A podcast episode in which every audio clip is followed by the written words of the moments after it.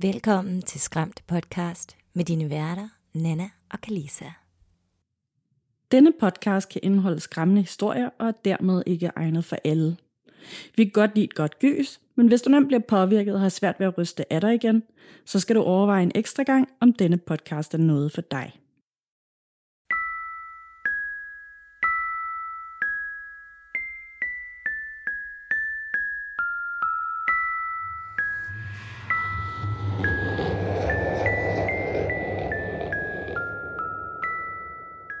Hej Nana, Hej Kalisa.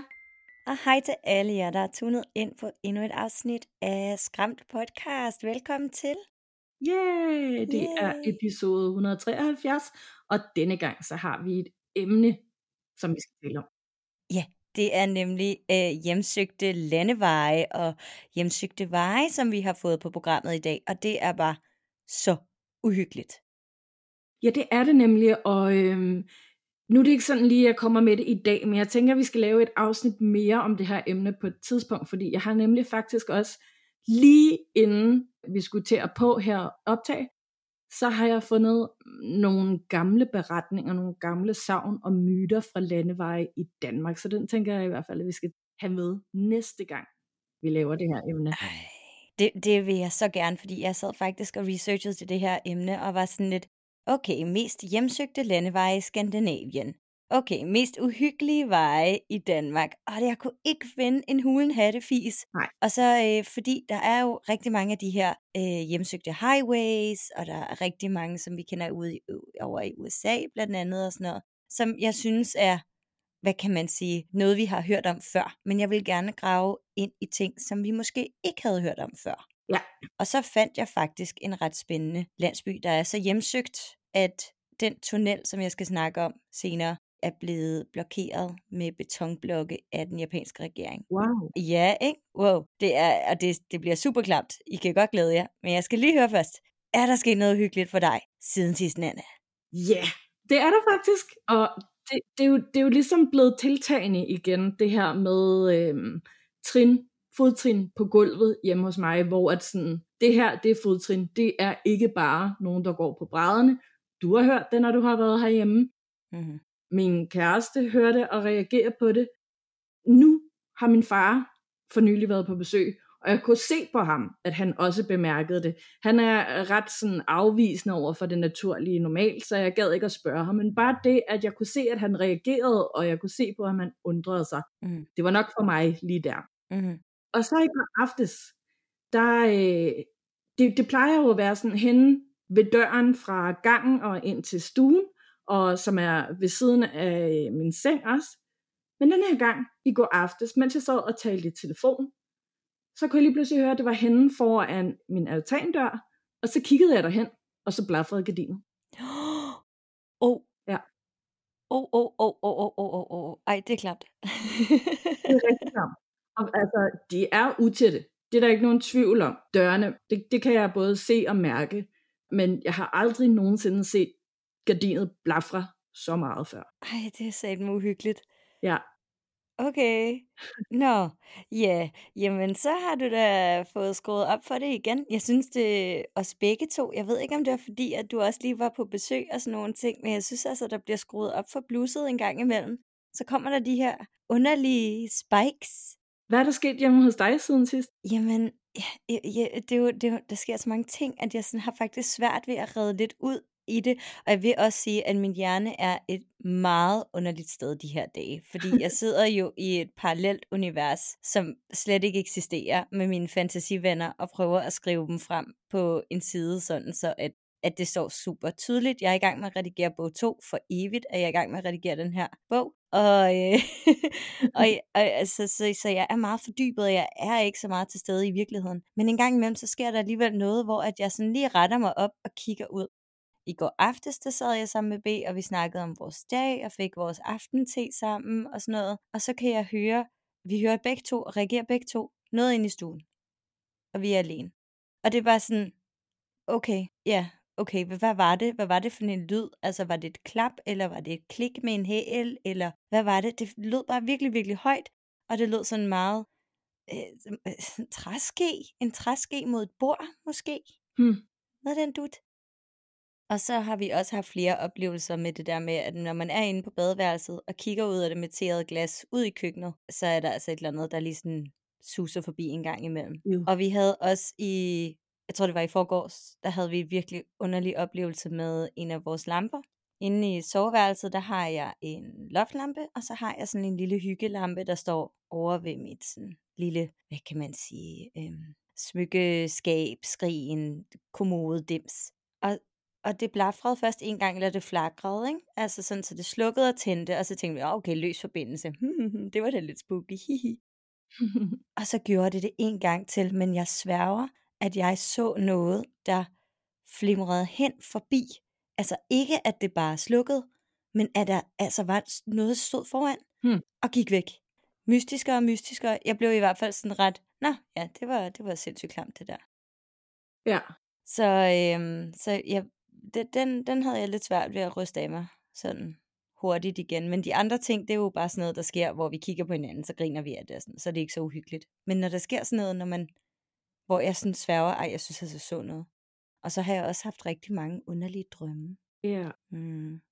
Ja, men det, det skylder jeg skylden på øh, bogredigeringshjerne, fordi der skal jeg jo opfinde rigtig mange forskellige ting.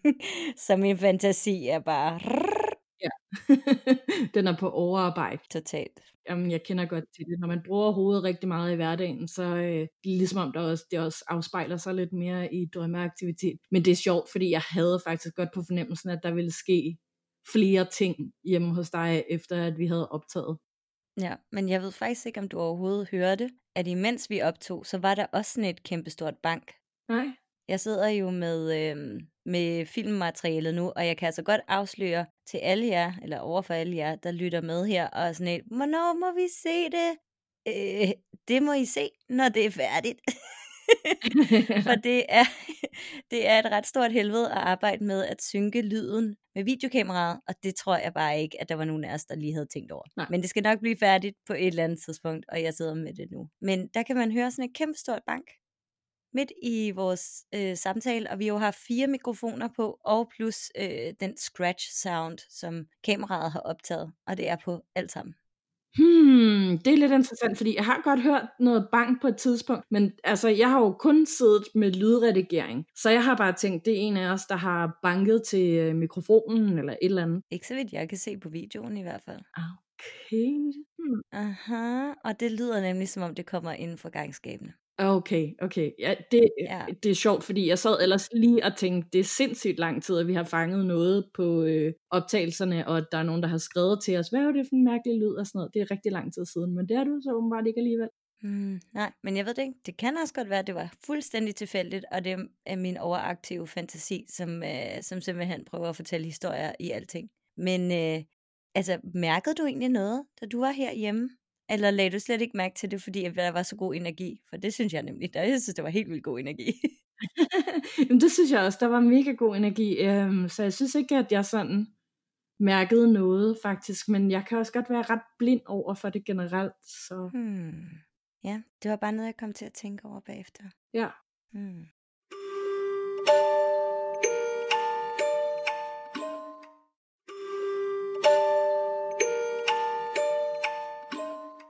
Er du klar til at starte dagens emne? Det kan du tro, jeg er. Okay. Jeg vil gerne starte med at fortælle om Inuyaki-landsbyen.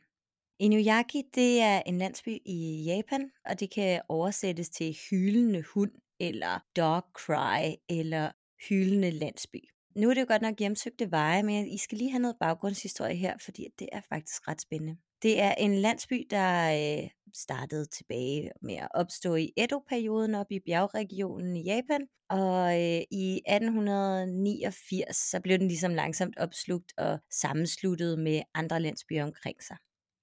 I den her landsby, der er der en tunnel, der er så hjemsøgt, at den japanske regering blokerede tunnelen med betonblokke.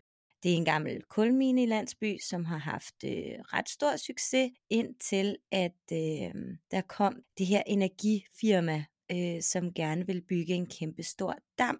Den her dam, den vil så øh, skulle komme til at udrydde ret meget af den originale landsby, og kun efterlade kanterne af byen. Og der var rigtig mange i det her forholdsvis isolerede samfund, som var imod det. Der går øh, historier, hvilket vi kan ikke finde noget fakta omkring det her, men der går en masse historier omkring, at dem, som byggede dammen, at de simpelthen bare valgte at spære folk inde i deres huse, og endda låse dem inde i øh, sådan nogle buer, og så oversvømme hele den gamle landsby. Derved slå en hel masse mennesker ihjel. Der var også spekulationer omkring det her selvstændige samfund, om det var ligesom så afskåret fra resten af det eksisterende samfund, eller resten af, af Japan, fordi at der var gået indavl i den. Der var også snak om, at det var en gammel spedalsk landsby, og øh, netop den spedalske historie i Japan er absurd interessant, både politisk, men også bare sådan menneskerettighedsmæssigt. Men det kan vi dykke ned i en anden gang. Men der gik også historier om, at der altså folk de åd hinanden i den der landsby, og der var sataniske ritualer og alt muligt. Masse mystik i hele området. Efter den her dam er blevet bygget, så kan du jo så stadigvæk godt gå rundt i udkanten af det, der er tilbage af den forladte landsby. Der er nogle urban legends, for eksempel øh, er der en øh, telefonboks, som står midt på bytorvet, og som ringer klokken to hver nat. Hvis du åbner den dør, går ind i telefonboksen og tager opkaldet, så øh, vil telefonboksen efter sine låse sig efter sig, og du kan ikke komme ud, og så vil du drukne derinde. Det siges også, at man kan høre skrig og hyl igennem hele natten i landsbyens rester. Der er også en forfærdelig historie om en mand, der sprættede folk op med en le og blev fængslet og sådan nogle ting. Men igen er det meget sådan fiktion og fakta af et komplet mudder, der er i hvert fald bare rigtig mange, der er enige om, at øh, Inuaki er øh, ikke et sted, hvor man har lyst til at opholde sig særlig længe. For at komme ind til vestsiden af resterne af landsbyen, så skal du igennem Inuyaki-tunnelen. Denne her tunnel, den blev opført i 1949, men den blev efterladt omkring 80'erne. Den leder ind til øh, Inuyaki-byen, hvor der næsten ikke står en eneste bygning nu. I 1988 blev en mand dræbt derinde. Det var midt på dagen den 7. december, og øh, der blev det forbrændte lig af en fabriksarbejderen Yumiyasa Koishi opdaget i Inuyakis bjergpas. Politiet arresterede en lille gruppe unge mænd. De var mellem 16 til 19 år gamle fra Takawa-distriktet under mistanke om at have dragt Umiyama ved at have hældt benzin over ham og sat ild til ham. Umiyama siges at have været en meget sømmelig mand. Alle kunne lide ham. Og på et tidspunkt for hændelsen, så var han faktisk bare på vej hjem fra arbejde. Hændelsen begyndte ved, at øh, de unge mænd de nærmede sig Umiyama, og så ville de stjæle hans bil. De overfaldt ham ved et stoplys og sagde, vi har brug for din bil til at samle nogle piger op, så du skal bare lade være med at stride imod og stige ud med det samme. Da Umuyama så øh, nægtede, så angreb de og bortførte ham, og de overfaldt ham ret grusomt. Umiyama han øh, flygter, og på trods af sine skader forsøger han stadigvæk at komme hjem. Ude af stand til at øh, få hjælp fra de bipasserende biler, bliver han fanget af de unge mænd igen. Forbryderne smider ham øh, ud fra en klippe, men han vil bare ikke dø. Han klinger sig fast til et hegn, der stikker ud over klippeskrænten, og med alt deres magt modstår deres overfald og kommer op igen. Det her øh, mus og kat optøj med forfærdelige overgreb og voldsomheder fortsætter i et stykke tid, det fortsætter så lang tid, at der er nogle af de unge mænd, som begynder at øh, føle lidt anger og har lyst til at stoppe. Men lederen han er selvfølgelig bange for, at deres angreb nu vil blive opdaget og anmeldt, og han siger, at de er sammen i det her, og de beslutter sig for at dræbe ham. De lægger Umiyama tilbage i øh, bagagerummet i hans bil, og så slår de ham med håndsving og skruenøgler og alt andet værktøj, og så har de besluttet sig for, at de vil prøve at komme af med livet i Rikumaros dam. Men i frygt for, at livet vil flyde ovenpå, så beslutter de sig også for at brænde ham, så han kan også være umulig at identificere. De øh, kører ham hen til Inuyaki-tunnelen, hiver ham ud af bagagerummet, hælder benzin over Omiyamas hoved, og han skriger af redsel, og det runger noget så forfærdeligt, så de propper hans mund med flået tøj. De binder ham på hænder og fødder, og slår ham gentagende gange i hovedet med sten. Han tænker om at beholde sit liv lige til det sidste, men lige meget hjælp det, de sætter ild til ham, og det siges, at man stadig den dag i dag kan høre hans hjertesærende skrig, imens han brænder ihjel. Så det er lige den første her, Inuyaki Tunnel. shit et sted alligevel. Der er godt nok sket mange forskellige ting også. Det er lidt ligesom om, at det er en eller anden form for hotspot for dårlig energi. Mm-hmm. Ja, og den her tunnel, nu har jeg også øh, fundet nogle billeder af den. Den ser også ret ildevarslende ud. Og det, der sker lige nu den dag i dag, det er faktisk, at der er rigtig mange unge mennesker, og så sådan lidt bandeagtige typer, som hænger ud inde i tunnelen, selvom den er sådan helt muret til med de her betonblokke. Ja. I 2019 udkom der en gyserfilm, der hedder Howling Village. Har du set den? Nå, ja, jeg kunne godt tænke mig at se den, fordi den lyder absurd grusom. Ja. Det handler om, øh, om hele den her landsby, som øh, blev oversvømmet muligvis på sådan en lidt ikke så menneskerettighedsagtig måde. Og der var en masse mennesker, der måske døde. Øh, men også omkring den her tunnel, og hvad det er, der sådan ligesom er i vejen med den. Ja. Sådan indgangen til helvede-agtig. Den vil jeg også mega gerne se. Det kan være, at vi lige skal prøve at finde ud af, om man kan se den nogle steder her i Danmark bagefter. Ja, så kan du bruge det der Playpilot. Yeah! Ja. Der er faktisk også et horror computerspil, som hedder Inuyaki Tunnel, øh, lavet af Chillas Art. Og Chillas Art er jo en øh, super fed øh, horror game maker, øh, som er indie og står for det hele selv. Og det er helt absurd, hvor uhyggelige små computerspil øh, den her person formår at skabe. Det er virkelig sindssygt. Den er, det er også et spil, der udkom i 2019. Og efter alt det her omtale fra Inuyaki og om Inuyaki og de her, de her forskellige myter, der blev popkultur og alt det der, så har de faktisk haft kæmpe store problemer i den her lille landsbyen ved siden af, med at der kommer rigtig mange folk og gerne vil spøgelsesjæge. Så ja, det, det er altså blevet lukket af med, øh, med politi og med hegn og alt muligt, og det er forbudt at gå ind og besøge tunnelen.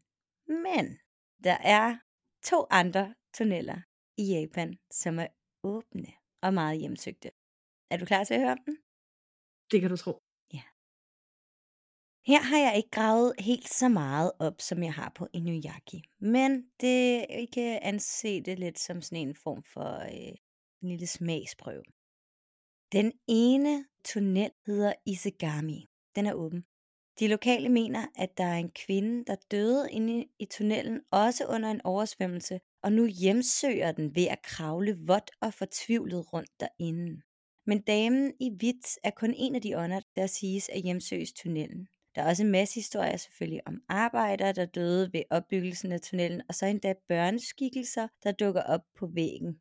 Den ting, man hører allermest folk berette, efter de har været inde i den her meget uhyggelige underpass tunnel ting, det er selvfølgelig, at øh, man hører en masse stemmer, og man får en overvældende følelse af kvalme, når man går igennem. Den sidste tunnel, jeg har med her, og det er jo sådan lidt hjemsøgte veje, hjemsøgte tunneller, fordi at man godt kan køre igennem dem her med sin bil, så synes jeg altså godt, at man kan sige de hjemsøgte veje. Men det er en tunnel, der hedder S-Tunnel eller Sendayaga Tunnel.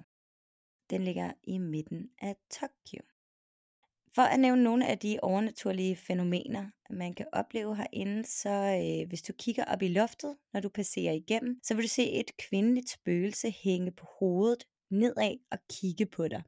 Indimellem vil du også se, at kvinden hun er dækket af blod, og der er også andre skikkelser, som vandrer rundt i tunnelen, og de vil alle sammen jage efter dig, hvis de får øje på dig. Hvis du tegner på væggen i tunnelen eller laver graffiti, så kommer der lige pludselig spøgelsesansigter til syne fra betongen. Og hvis du går igennem tunnelen, uden at der er nogen biler, der kører forbi, for det er faktisk en ret befærdet vej, så har du en kæmpe stor chance for at støde på et spøgelse inden for få minutter. Til sidst, så hvis du går igennem tunnelen med præcis midnat 0000, vil du opleve en form for overnaturlig fænomen. Det er helt stensikkert. Men altså blandt alle de her spøgelseshistorier, der er relateret til S-Tunnel, så er det helt klart legenden om spøgelsesdamen med det lange hår, der hænger på hovedet, som er mest berømt. Folk siger, at hun pludselig dukker op og så, så er det ligesom om, hun hænger ned fra loftet i tunnelen, som om øh, hun går omvendt, og derefter jager og skræmmer alle, der får øje på hende. Nu skal du lige høre et fun fact, Nana. Tunnelen, eller den her bro, har simpelthen en kirkegård bygget ovenpå sig. Okay, det er ret sjældent, at man hører, at der er en kirkegård, der er bygget ovenpå, og ikke sådan, at den ligger nedenunder. Jep, fordi det ser helt vildt syret ud. Det, du skal forestille dig Tokyo med høje bygninger og masser af menneskeliv, og så den her underlige, øh, det hedder jo et underpass, så jeg ved ikke, om man kan kalde det en bro, hvor at der så er en old gammel kirkegård, altså tilbage fra Edo-perioden, som ligger ovenpå. Hvor er det stenet? Det er så stenet, og grunden til, at det ser ud på den måde, som det gør, det er fordi, at broen skulle skynde sig at blive bygget til 1960'ernes olympiaden, som blev afholdt i Japan. Så øh, de skyndte sig bare helt meget med at bygge den her, og så ville de ikke rykke på alle de døde og sådan nogle ting. Og endnu en fun fact. Sidste fun fact. det er, at lige ved siden af S-Tunnel, der er der sådan et kæmpestort højhus, der hedder, jeg tror det hedder sådan Victor's Studio eller sådan noget. Og Victor's Studio er et studio, hvor at man lydoptager musik, altså et record company. Og det siges, at alle sange, der bliver produceret derfra, de har de her underlige viske, lyde. Hmm. Sådan, under the tracks. Jamen, altså, jeg vil da sige, vi hører jo tit om, at det spørger steder, hvor at der har været, altså, der er bygget oven på kirkegård. Men altså, så vil jeg det sige, hvis det spørger et sted, hvor der er blevet bygget og gravet nedenunder mm-hmm. gravstederne, så kan jeg da rigtig godt forstå, at der er rigtig meget aktivitet. Right. Og giver det ikke lidt ja. god mening, at hun hænger på hovedet? Jo, det gør det. Ad, ad, ad, ad. Ja, ja. Det er der altså ikke nogen af de der sådan mange forskellige ting, hvor jeg læste igennem, der siger noget om, men jeg synes bare, det giver da helt vildt god mening. Ja. Det er da fordi, at hun, hun er ved at falde igennem, eller et eller andet. Ja, præcis. Ad. Ah, så klamt. Og jeg, jeg har også, øhm, imens jeg researchede alle de her hjemsøgte tunneller i Japan, så kom jeg altså også bare til at se de klammeste found footage billeder af yokai, altså spøgelser slash dæmoner. Ej, ej, oh, hvor spændende. Ej, vi, vi må snart have et afsnit om Asien.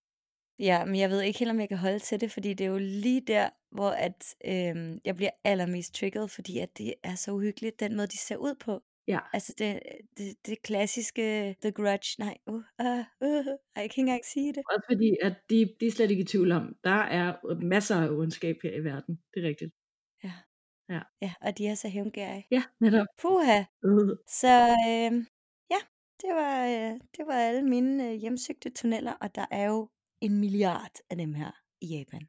Ja, det tror jeg gerne. Skal du øh, besøge nogle af dem på et tidspunkt? Det vil jeg gerne. altså, honestly, helt ærligt, ja. så vil jeg gerne. Ja. Øhm, men, men på den anden side set, så jeg tror, at det vil være smertegrænsen for, hvor skræmt jeg kunne blive. Ja. Øhm, fordi det er sindssygt uhyggeligt. Men der er jo også meget af det der natur, som er virkelig, virkelig, virkelig flot. Så at komme til Japan, det vil være drømmen jo. Helt sikkert, helt sikkert. Ja. Måske kan vi få, øh, få en til at sponsorere vores Japan-tur til noget skræmt podcast. det ville da være dejligt. det ville være så rart. Jeg kan i hvert fald godt den dag. Ja, ja også mig. Også mig. ja, nå, men med far for, at det nærmest bliver helt kedeligt, eller det kan jeg faktisk godt love, at det ikke gør, så, øh, så tager jeg lige jer alle sammen en tur med til England, fordi jeg har nemlig fundet tre hjemsøgte motorveje og landeveje der. Og øh, vi starter ved Stocksbridge Bypass, hvor et hav af mystiske hændelser er sket. Og øh, den bliver også nogle gange kaldt Killer Road i folkemunden, fordi at der i mere end tre årtier på den her meget frygtindgydende strækning mellem Peak District og Sheffield er sket utallige dødsulykker. Og øh, den er derfor også blevet kåret som den næstmest hjemsøgte vej i Storbritannien. Og den mest hjemsøgte, den vender vi selvfølgelig tilbage til senere. I 1988 der blev en ny motorvej opført ved Peak District, så man kunne forbinde motorvej M1 med Woodhead Pass og motorvej A1616 for at gøre det nemmere at komme frem og tilbage mellem Sheffield og Manchester. I årenes løb har bilister hævdet at se spøgelsesagtige skikkelser, som er dukket op i en bil ved siden af dem, mens de kører på Killer Road. Den har jo så derfor fået det tilnavn, fordi at det er et hotspot for ulykker med et stort antal dræbte i de senere år. Vejarbejdere på strækningen har fortalt, at de har hørt fnisende stemmer fra børn, der synger, og set dem lege på en mark, hvor der ellers ikke burde være tilgængeligt for børn. Ved en række lejligheder, så har de været nødt til at stanse deres arbejde, fordi deres udstyr på uforklarlig vis er holdt op med at fungere, som det skulle. Og nogle gange har det slet ikke fungeret overhovedet. Men ødelagt udstyr er ikke det eneste, der kunne sætte en stopper for byggeriet. Fordi nogle gange så blev vejarbejderne simpelthen så bange, at de tog hjem fra jobbet og aldrig nogensinde vendte tilbage til det igen. Nu skal vi høre om en bestemt nat, som var fuld af redsler. Uh, jeg er så klar. Men altså, øh, øh, vi kommer til at snakke om det der med de glamme børn, ikke? På et tidspunkt. Jo, jo, jo, jo. Okay, Det kommer nemlig nu her. jeg er så klar. ja. Uanset hvad tid på dagen det var, så havde byggepladsens spøgelser altid travlt med at gøre sig bemærket. Men ikke desto mindre, så blev der især en nat skruet helt op for redslerne, og to intet anende sikkerhedsvagter fik sig en oplevelse, de aldrig nogensinde vil glemme. En sen aften i 1987 patruljerede to sikkerhedsvagter på byggepladsen, da de fik ikke glemt af noget ud over det svanlige. De så en gruppe børn, i tøj fra en tid for længe siden, som grinede og legede ude på marken, hvor vejarbejder også tidligere havde haft lignende oplevelser. De to vagter skyndte sig hen for at afhøre børnene, men de forsvandt simpelthen ud i den blå luft, og efterlod vagterne fuldstændig lammet af skræk og forvirring. Da vagterne kom til sig selv igen, så undersøgte de området for spor af børnene, men de var ikke engang i stand til at finde så meget som et fodaftryk. Mens de stod i marken, mystificeret over det, de netop havde oplevet, blev de opmærksom på, at de blev skarpt overvåget. Da de så op mod den nybyggede Peroid-bro, mødte et skræmmende syn deres øjne. Oppe på broen stod en skyggeagtig skikkelse af en stor mand i en sort kappe og hætte og kiggede ned på dem. Hans undersøgende øjne stirrede direkte ind i deres sjæle med en ondskab, der forsærede en intens følelse af frygt i vagterne. Da de kom til sig selv igen, så sprang de ind i deres bil og kørte hen til broen, uden at tage øjne for den fremmede mand på noget som helst tidspunkt. Men da de kørte op bag ham, vendte deres frygt stærkt tilbage, for de opdagede nemlig, at lysene fra bilens forlygter passerede igennem hans tunge sorte kappe. Den hætteklædte skikkelse forsvandt, og vagterne flygtede derfra i ren redsel. Da de vendte tilbage til deres kontor, blev de mødt af deres supervisor, som tydeligt kunne se, at de to vagter var rystet helt ind i deres sjæle.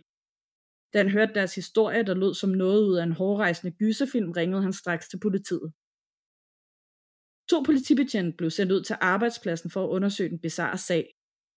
De var ikke i tvivl om, at vagterne havde set noget, men at det skulle være spøgelser var helt absurd for dem. Men deres skepsis blev dog hurtigt pillet fuldstændig fra hinanden. Da de kørte ud til stedet, slukkede de to betjente, som havde mange års erfaring hos politiet, deres bil, og så sad de ellers der i stillhed, i håb om i det mindste at se noget. Og efter et par timer brød en af betjentene tavsheden med et skrækindjagende skrig. Hans partner vendte hovedet, og der så han torsoen af en mand, der var presset op mod vinduet.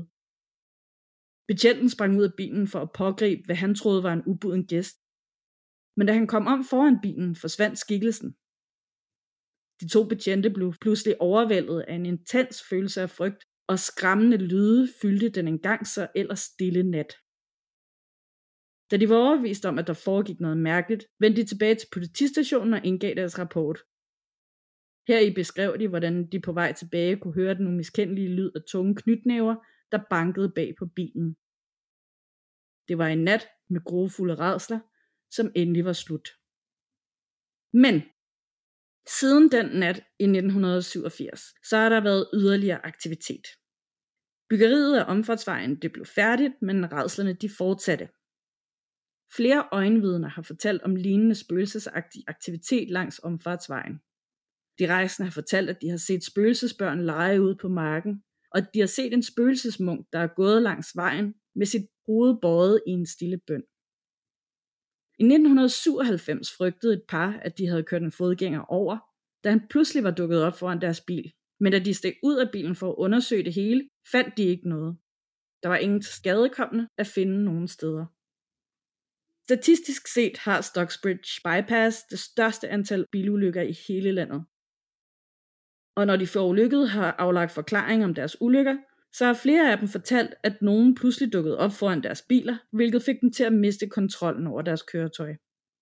Så enten så kan spøgelserne fra Stocksbridge Bypass bare godt lide at skræmme de forbipasserende, eller også er der spekulationer om, så har de en eller anden meget uhyggelig plan om at erhverve flere døde sjæle til deres voksende gruppe. Øh. Øh, hvor klamt. Og hvor er det sindssygt, at statistisk, at vi kan se, Ja. at der er mange, der mister føret og kommer i ulykke, fordi det er der, hvor det begynder at blive rigtig spændende. Ja. Nå, og også politibetjente. Nemlig, altså po- politibetjente, som man ellers øh, tit anser for, for nogen, der ikke nødvendigvis tror ret meget på det overnaturlige. Ikke fordi de som sådan er videnskabsmænd på den måde, det er de jo ikke. Men altså, det er i hvert fald ikke nogen, man umiddelbart vil tænke, tror på sådan noget, og heller ikke sikkerhedsvagter for den sags skyld. Mm. Jeg tænker også det der par, der i øh, 1997 troede, at de, havde, øh, at de havde kørt nogen over, de har jo så også rapporteret det til politiet bagefter. Mm. Og det ville man, altså det ville man, man vel ikke bare gøre. Nej. Nej. Uh, men de der spøgelsesbørn, der leger ude på marken og øh, gør arbejdet surt for, for, hvad hedder det, byggemændene og sådan noget. Ja. Fuck, hvor er det scary. Ja. Ej, det er så uhyggeligt. Jeg så lige en, øh, en rigtig klam lille caught on camera video her i morges, hvor at der er nogen, der kører forbi en busk, og øh, de har vinduerne rullet ned, det er et eller andet sted, hvor man taler øh, spansk. Jeg er ikke god nok til at sige, hvor det kunne være henne af. Busken begynder at ryste, og vi kan høre et spædbarn, der skriger. Ad. Altså skriger. Og øh, busken der om aftenen, øh, der er sådan en kæmpe stor underlig skygge derinde. Og vi kan høre bare det her barn, der skriger og skriger, og de standser ind til siden, og de løber derover, og der, det bliver lige pludselig meget kaotisk, og der er flere, der sådan har stoppet op og sådan noget, og lige pludselig så er der helt død stille. Ja. Og den der underlige skygge forsvinder fra busken på en meget klam, kravle-agtig, that's not human kind of way. Ad, ad, ad, ad. Og den er kæmpestor, det er ikke sådan en lille barn. Nej. Ja, ja så, det, så spøgelsesbørn og øh, ting, der lyder som babyer og sådan noget, det, øh, det, får, det, det, det, det får det til at løbe ret koldt ned ad min ryg. Ja, samme her. Og jeg har faktisk lige for nylig, og jeg kan desværre ikke huske, om det har været øh, i Radio Rental, eller om det har været et, en anden podcast. Men det, var, det, var, nem- det handlede nemlig også om en kvinde, som havde øh, kørt på en vej, hvor, hun, hvor der også bare lige pludselig havde været en, en dukke, en babydukke, sådan en, øh, jeg kan ikke huske, hvad det er, det hedder, men de der dukker, der er sådan, det er meningen, at de skal opføre sig som en baby, og man skal tage sig af dem som en baby og sådan noget. Den var også bare lige pludselig landet på vejen. Og da hun var så var øh, øh, steget ud af bilen for at undersøge det, så var den sådan blevet hævet ind i en busk, og hun var, altså hun vidste ikke, hvad, altså, hvad det gik ud på, om der var nogen, der prøvede at skræmme hende, eller hvad det var, men heldigvis for hende, tænker jeg, så var hun, så skyndte hun sig bare tilbage i bilen og kørte derfra, så hurtigt som hun kunne. Oh my god. Ja. Jeg tror, det er en babyborn Ja, dukke, ja. du refererer til. Præcis. Åh, oh, babyborn, babyborn. Ja. det var, jeg fik lige flashback tilbage til uh, 90'erne. Og jeg sidder sådan helt med tårer i øjnene, fordi det var, det var uhyggeligt. Ja. Ej, hvor scary. Ja. Og også, uha, ej, jamen, ting og folk, der prøver at lokke en Ja. ind i, i, i en eller anden form for ubehagelig situation. Ja. Ved at imitere baby eller et eller andet. Puh, ad, ad, ad, ad, ad, ad. Præcis, det er rigtig uhyggeligt. Ja. Nå, men jeg har to historier mere fra England, to lidt mindre historier. Okay, jeg er klar. Yes, den første her, den, er, den hedder motorvej M6, og den er blevet hjemsøgt af uhyggelige romerske soldater, en fortvivlet blaffer og en spøgelseslastbil. Den her, den siges at være en af de øh, mest hjemmesøgte motorveje i kongeriget og øh, i verden også. Og øh, bilister har berettet om alle mulige mærkelige hændelser, som har skræmt den fra vid og sans. Den har en længde på øh, mere end 230 mil, og er dermed den længste vej i Storbritannien, der spænder over flere regioner, herunder Lancashire. En del af ruten har eksisteret næsten 2000 år efter at have været brugt af romerske soldater under den romerske besættelse af England i år 55 før Kristi fødsel. Så det er ikke underligt, at øh, M6 her kan prale af at have sådan en stor, intens, overnaturlig hygge, og faktisk nok er den allermest hjemsøgte vej i England. Bilister, der kører på vejen, har været vidne til usædvanlige fænomener, som romerske soldater, der marcherer hen over vejen, og nogen har også hævdet, at der har været et sæt øjne, der har kigget på dem fra omme bag en busk. Så der har vi igen det der med noget, der lurer inde i en busk. En international klaverjant mener, at noget overnaturligt har knyttet sig til den del af M6'eren, som øh, forårsager ulykker. Han hedder Mike Brooker, og han har givet vejstykket tilnavnet Cheshires Bermuda-trekant tilbage i 2018, da han talte med Cheshire Live. Han sagde, jeg kender personligt mennesker, der har mistet livet, og familier, der er blevet ramt af ulykker på denne motorvejsstrækning. Jeg hælder selv til teorien om, at det kan forbindes med anglosaksisk eller keltisk historie. Der er nemlig beretninger om en romersk gravplads, og at der var et historisk sammenstød mellem skotske og engelske hære. Der er så mange forskellige variabler og muligheder her.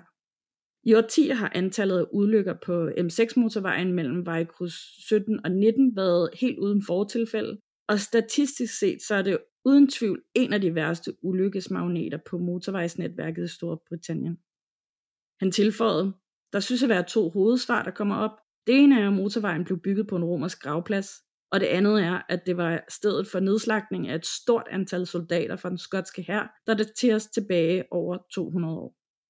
Der er ingen klare beviser til at understøtte eller underbygge de her påstanden, men det står helt klart, at der er noget helt galt på den her strækning, siden der sker så mange ulykker, da den ellers er ret lige og burde være ret lige til at køre på. Jeg tror personligt, at der er noget overnaturligt, der er tilknyttet sig netop denne strækning, for når videnskaben ikke kan forklare den her overflod af ulykker mellem øh, vejkryds 17 og 18, så må der være en alternativ forklaring, siger han.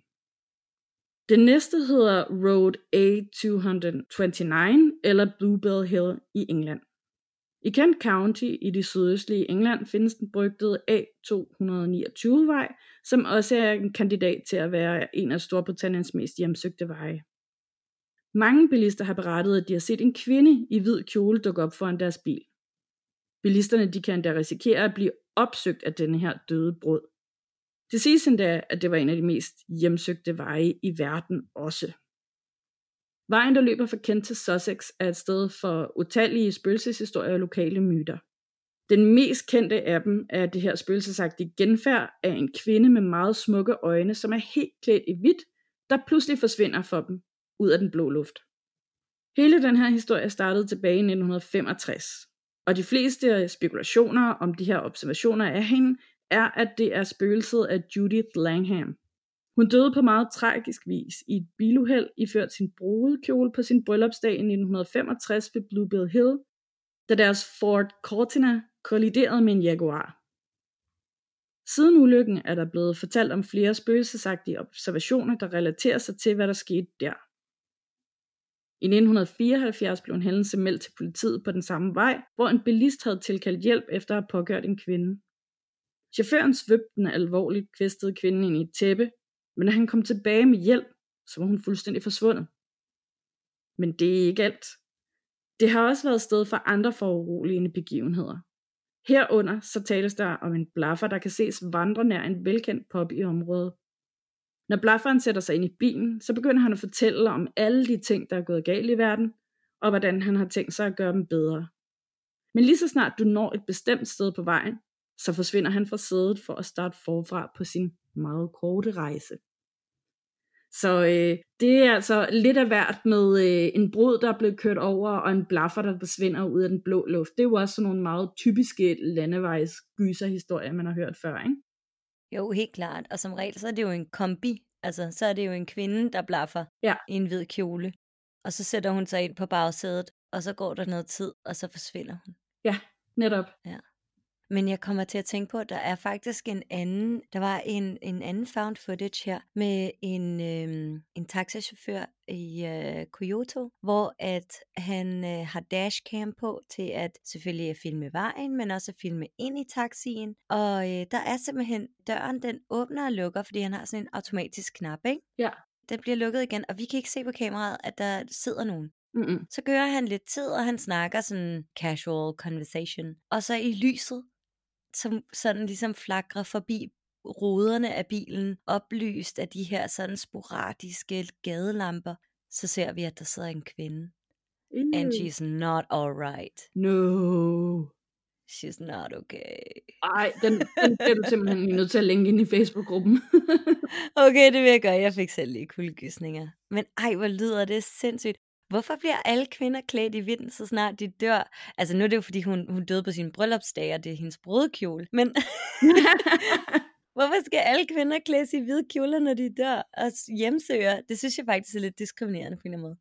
På en måde er det, altså hvorfor, hvorfor skal det absolut være kjoler? Hvorfor kan det ikke være bukser eller et eller andet andet? Jamen, altså bare sådan hvid for... Ja. Ja, ja. Hvid for Give me something. Ja, præcis. Hvid for uskyld. Det er det, der irriterer mig, tror jeg. Ja. Øhm, og mænd altid sorte kapper og dyster og mørke. Ja. Ja. Ja. Altså, vi har dog også hørt om faktisk både en lytteberetning, og så var der også en historie fra en, ej, jeg kan ikke huske, om det var en skov eller et eller andet i USA, om, omkring en gul kvinde, en kvinde i gul i hvert fald. Mm. Øhm, og så har vi også hørt nogle gange om blå kvinder. Ja, og jeg tænker sådan, der kunne jo også være noget med det der med hvide eller grå damer, det er fordi, de ikke sådan rigtig kan manifestere Ja. så meget, at man kan se en tydelig farve. I don't know. Ja, det tænker jeg faktisk også rigtig, rigtig ofte. Det der med sådan, jamen det kan jo være, det er bare farverne, der er blevet udvasket. Ja, Altså at der simpelthen ikke er nok uh, saturation i selve pigmentet, at det ser sådan nærmest sort og hvidt billedagtigt ud. Ja. Og så hvis det har været en lys farve, så bliver det hvid, og hvis det har været en mørk farve, så bliver det sort. Og så måske at grunden til, at de alle sammen har kapper eller kutter eller, eller kjoler på, eller i hvert fald rigtig mange, det er måske fordi, at, at der sådan også er en eller anden form for synsforstyrrelse i, hvor meget manif- altså hvor fast manifesteret de kan være. ja, Altså, så det sådan bliver sådan udflydende og mangler benene lidt agtigt. ja, lige præcis. Lige præcis.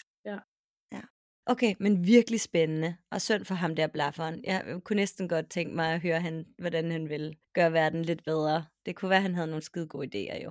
Ja, det kunne det da sagtens være. Ej, det gad jeg faktisk også godt at høre. Det kunne være, at jeg også lige skulle prøve at stikke lidt ned i, om jeg kan finde nogle beretninger fra nogen, der har prøvet at have ham med, og som måske har fortalt, hvad det egentlig er, han har sagt. Ja, ej, det er næsten lidt hjertevarmt. Det vil jeg gerne. Ja. Jeg vil gerne sprede hans budskab, hvis det er godt, altså. Vi tager til England, og så prøver vi at samle ham op. Okay, så først Japan, så England. Yes. Let's do it. Yep, fedt. Det var dagens øh, historie om øh, et emne, som vi i hvert fald helt sikkert snart, tænker jeg endda, skal tage op igen, fordi der er virkelig, virkelig, virkelig meget til fat i.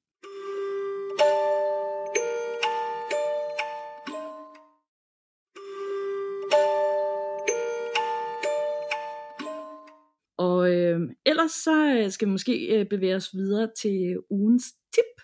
Yes, skræmt tips tid. Ja, yeah, vil du starte? Ja, det vil jeg gerne. Jeg vil nemlig gerne øh, anbefale to ting i dag. Ja. Og det første, jeg vil anbefale, det er en bog. Sidste gang så snakkede jeg lidt om uh, Masters of Death, og jeg kan stadigvæk godt anbefale den, men den var ikke lige sådan en bog, der, der sådan helt kunne få mig øh, op i det røde felt. Den er okay, men den er sådan lidt for hyggelig for mig. Så øh, jeg gik direkte videre ind i boghandlen og fandt en bog, der hedder Bitterthorn, altså Bittertorn, af Kat Dunn. Så du skal forestille dig Pride and Prejudice, blandet med det levende slot, blandet med Camilla Dracula. Hmm. Okay? Mm. Ja. Så den her bog, den, øh, den læste jeg på øh, under et døgn, tror jeg. Og jeg blev så forgabt i den. Altså, den er vildt underlig og gotisk og skrevet virkelig dystert, og samtidig er den også faktisk super fin og smuk og bare sådan rigtig hjertevarm. Så jeg, jeg tudede, og jeg var, var bange og sådan noget. Den har nemlig også det her ret uhyggelige gyserelement. Nu skal jeg fortælle jer, hvad plottet er. Blumwald er en by, der er overskygget af en elgammel forbandelse. I et dystert slot i dybet af den vilde skov bor en monstrøs heks. En gang en generation kommer hun for at gøre krav på en følgesvend, der skal vende tilbage til slottet med hende, men man ser dem aldrig igen. Nu nærmer tiden sig til det næste menneskelige offer. Mina er hertugens datter og ser sig selv som et spøgelse. Hun er hjerteskærende ensom og ret formålsløs i livet. Hun er allerede fyldt i 24 og ak, så hun kan jo ikke rigtig blive gift.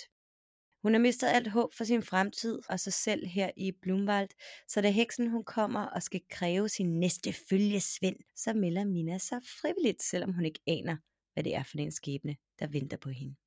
Strandet med den her spændende og overraskende smukke tilfangetager, så prøver Mina at løse mysteriet om, hvad der skete med de andre syv mænd, heksen ellers har haft som følgesvend igennem årene. Det er en sindssygt fed bog. Altså, det er selvfølgelig Women Love Women. Ja.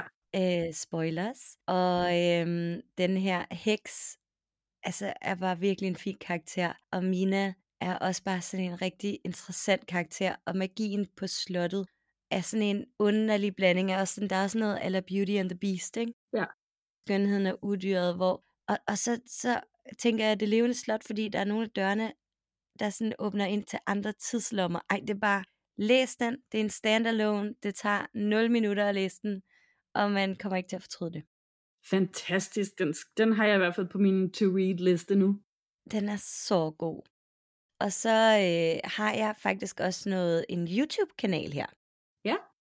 Imens jeg kiggede efter hjemsøgte tunneller og faldt sådan lidt ned i øh, et japansk øh, hul af sådan uhyggelige ting og sådan noget, så fandt jeg faktisk den her YouTube Urbexer Dude. Det er en kanal, der hedder Tokyo Lens, og jeg har et klikbart link inde i øh, vores Dimse Dims, hvor der vores anbefalinger og links post, som I kan klikke på inde på øh, Facebook-gruppen. Og han er går ikke så meget op i det paranormale. Øh, han er ikke spøgelsesjæger. Han går bare rundt med et virkelig, virkelig godt kamera, og øh, sådan urbexer forladte steder, og Runal Japan, og han er bare super hyggelig at følge med. Så ham har jeg binge-watchet rigtig meget, når jeg lige havde brug for en redigeringspause. Perfekt. Yep. Mega spændende. Det er også et fantastisk sted, tænker jeg, at urbexe. Ja, også fordi han har nogle rigtig, rigtig flotte billeder af naturen og sådan noget. Det, er, det kan være ret inspirerende, i hvert fald for mig. Fedt. Ja. Dejligt. Jeg øhm, bliver faktisk også lige i Asien, men det er dog to film, jeg har med i dag. Det er to indonesiske film. Min kæreste, han er jo fra Indonesien, så han bliver super begejstret hver gang, at der kommer noget øh, indonesisk indhold ud på øh, film- og tv-streaming-tjenesterne. Så det skal vi altid se. Og jeg synes virkelig, de er dygtige til at lave gyserfilm i Indonesien. De er ikke helt lige så dystre og mm, mørke, synes jeg, på en måde, som øh, koreanske og japanske er. De er måske sådan lidt mere teatralske og mm, ja, jeg ved ikke engang, hvordan jeg skal sådan beskrive det. De er nemlig også rimelig brutale og rå og øh, voldsomme, men, men måske på en sådan lidt mere øh, spiselig måde, end de japanske og koreanske tit er. Den første, den hedder øh, Mantra Surugana, som øh, handler om en ung kvinde, der starter på universitetet, og der finder hun hurtigt ud af, at der er en lille gruppe studerende, som for nylig er forsvundet derfra. Derefter så begynder der at ske en masse mystiske ting omkring hende og nogle af de andre piger, som hun bor af, og de begynder sådan lidt at prøve at finde ud af, hvad der egentlig er sket med de øh, medstuderende, som er forsvundet. Og der finder hun så rigtig hurtigt ud af, at de forsvundne studerende, de har haft leget med noget sort magi, og så er de mm. at vække en meget gammel forbindelse til live igen, som tørster efter energi for levende mennesker. Åh, oh, klamt. Ja. den anden, den hedder Primbon, og handler om en øh, ung kvinde, der forsvinder ud i en skov. Bedstemoren, hun er ret sikker på, at hun er død. Hun vil øh, fastsætte en dødsdag og afholde en ceremoni for hende, så hendes øh, sjæl kan få lov til at hvile i fred. Hun mener nemlig, at hendes øh, død har været fuldstændig uundgåelig, fordi at den er blevet forudsagt af den her hellige bog, der hedder en Primbon, som er tilknyttet mange forskellige religioner i Indonesien, og lige i den her film, der handler det om en øh, javanesisk religion. Og øh, den her Primbon-bog, den, hvis man, man kan slå ens øh, fødselsdatoer op og mærkedage og sådan noget, og bedstemoren hun mener nemlig allerede, at hun har forudset døden, fordi at hendes mor lod hende rejse ud i skoven på en helt forkert dag. Åh, oh, sådan lidt ala Rødhætte og Ulven. Ja, sådan lidt måske ja. Hmm. Men, mens de sidder og diskuterer det her, så dukker pigen pludselig op igen. Hun er helt nøgen og våd, fordi det regner udenfor, og hun er fuldstændig apatisk og taler ikke i flere dage. der er også både i hendes familie og i byen mange, som tvivler på, at det rent faktisk er hende, der er kommet tilbage. Og øh, så går hendes søster ellers i gang med at prøve at finde ud af, hvad der er sket, og hendes ven, som hun blev væk fra ude i skoven, prøver også at finde ud af, hvad der er sket, samtidig med, at hendes familie prøver på at beskytte sig selv og beskytte hende og finde ud af, hvad der var sket. Og altså, jeg var virkelig, virkelig underholdt af den her film. Øhm, så meget, at jeg rent faktisk lagde min telefon fra mig i ret lang tid, og øh, jeg skammer mig lidt over det, men jeg er virkelig slem til at second screene og sidde og scrolle på min mobiltelefon, mens jeg ser film med et halvt øje, men det gjorde jeg ikke med den her, og øh, jeg var både skræmt og også utrolig rørt af den, og sad og græd i, til sidst i film og sådan noget. Jeg synes, øh, den var virkelig, virkelig god. Åh, oh, den vil jeg gerne se. Ja, og jeg kan varmt anbefale dem begge to. De ligger begge to på Netflix, så øh, derind, hvis man har Netflix. Ja, jeg øh, er altså også rigtig dårlig til det der med sådan at øh, double screene, triple screene, mm. lytte til lydbog samtidig med, at computeren og filmen kører, og jeg har min telefon i hånden. Altså, ja. faktisk så øh, en ting, der har hjulpet rigtig meget, det er, at øh, B, hun har sagt, når vi ser film sammen, så er der ingen af os, der rører telefonerne. Og det er bare sådan, så ser vi det her sammen. Ja. Og det i starten, så var det så svært. Jeg tror, det tog mig flere måneder. Mm. Og det, øh, det var en tradition, der opstod dengang vi var roommates.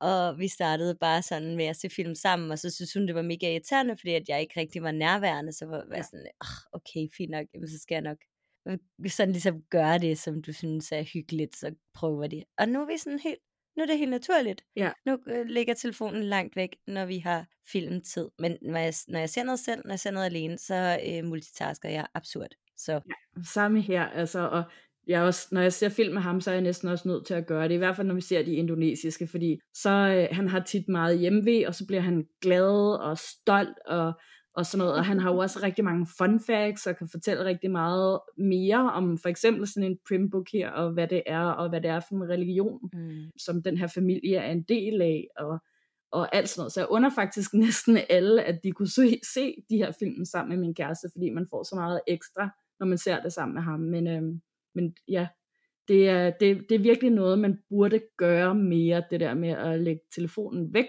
og så bare koncentrere sig om filmen. Ja, Ja, det burde man faktisk virkelig. Også når man sådan overvejer, hvor meget arbejde der jo er gået ind i en film. Præcis. Det, vi lever jo i et samfund, hvor at alting bare er consumerism. Altså, vi sluger ja. den ene ting efter den anden, og hvornår kommer den næste? Og... Netop. Okay, det kan godt være, at jeg er lidt presset af min egen deadline. Fordi folk er sådan lidt, hvornår kommer den næste bog? Og jeg er sådan lidt, når den er færdig. Jeg læste din første bog på en uge. Ja. Nå, jamen ellers så var super fede historier, du har fundet, Nana. Det var virkelig, virkelig interessant og gode tips. Og øh, så glæder jeg mig bare til næste uge, hvor vi igen skal lave mere skræmt. Og måske skulle vi også lige sige her til sidst, at øh, hvis I sidder derude med lytterberetninger på hjertet, så kan I skrive ind til os på skræmtpodcast.gmail.com og skræmt er med A-E, er det ikke? Jo, lige præcis. Jo. Og, øhm, og der er ikke noget, der er for kort eller for langt. I kan også følge os inde på Instagram, og I kan være med af vores private Facebook-gruppe, hvor vi deler alle de her klikbare links og fede ting og øh, mærkelige videoer og TikToks og alt muligt, og alle, der er rigtig gang inden. Altså, alle folk deler i hvert fald 10 posts hver dag, og det er simpelthen så hyggeligt og spændende at kigge med. Nemlig. Og så har vi jo også fået den her YouTube-kanal, og lige pt. så lægger der jo kun en enkelt video, men lige om lidt, så kommer der en mere, som I kan se. Ja, okay, nu pas på, hvad du lover, men jeg gør det så hurtigt, som jeg kan. Og jeg lover, at øh, efter min deadline på bog 2 her, at jeg har fået afleveret den til den næste redigeringsrunde, så kan vi sætte ind med alle sejl og kamera og alt muligt. Nemlig. Det bliver super fedt. Tak for snakken, Nana. I lige måde. Og tak til alle jer, der har lyttet med. Vi lyttes ved næste tirsdag. Og pas nu på, at du ikke bliver alt for bange for din egen skygge. Der er så meget andet, der lurer ude i mørket.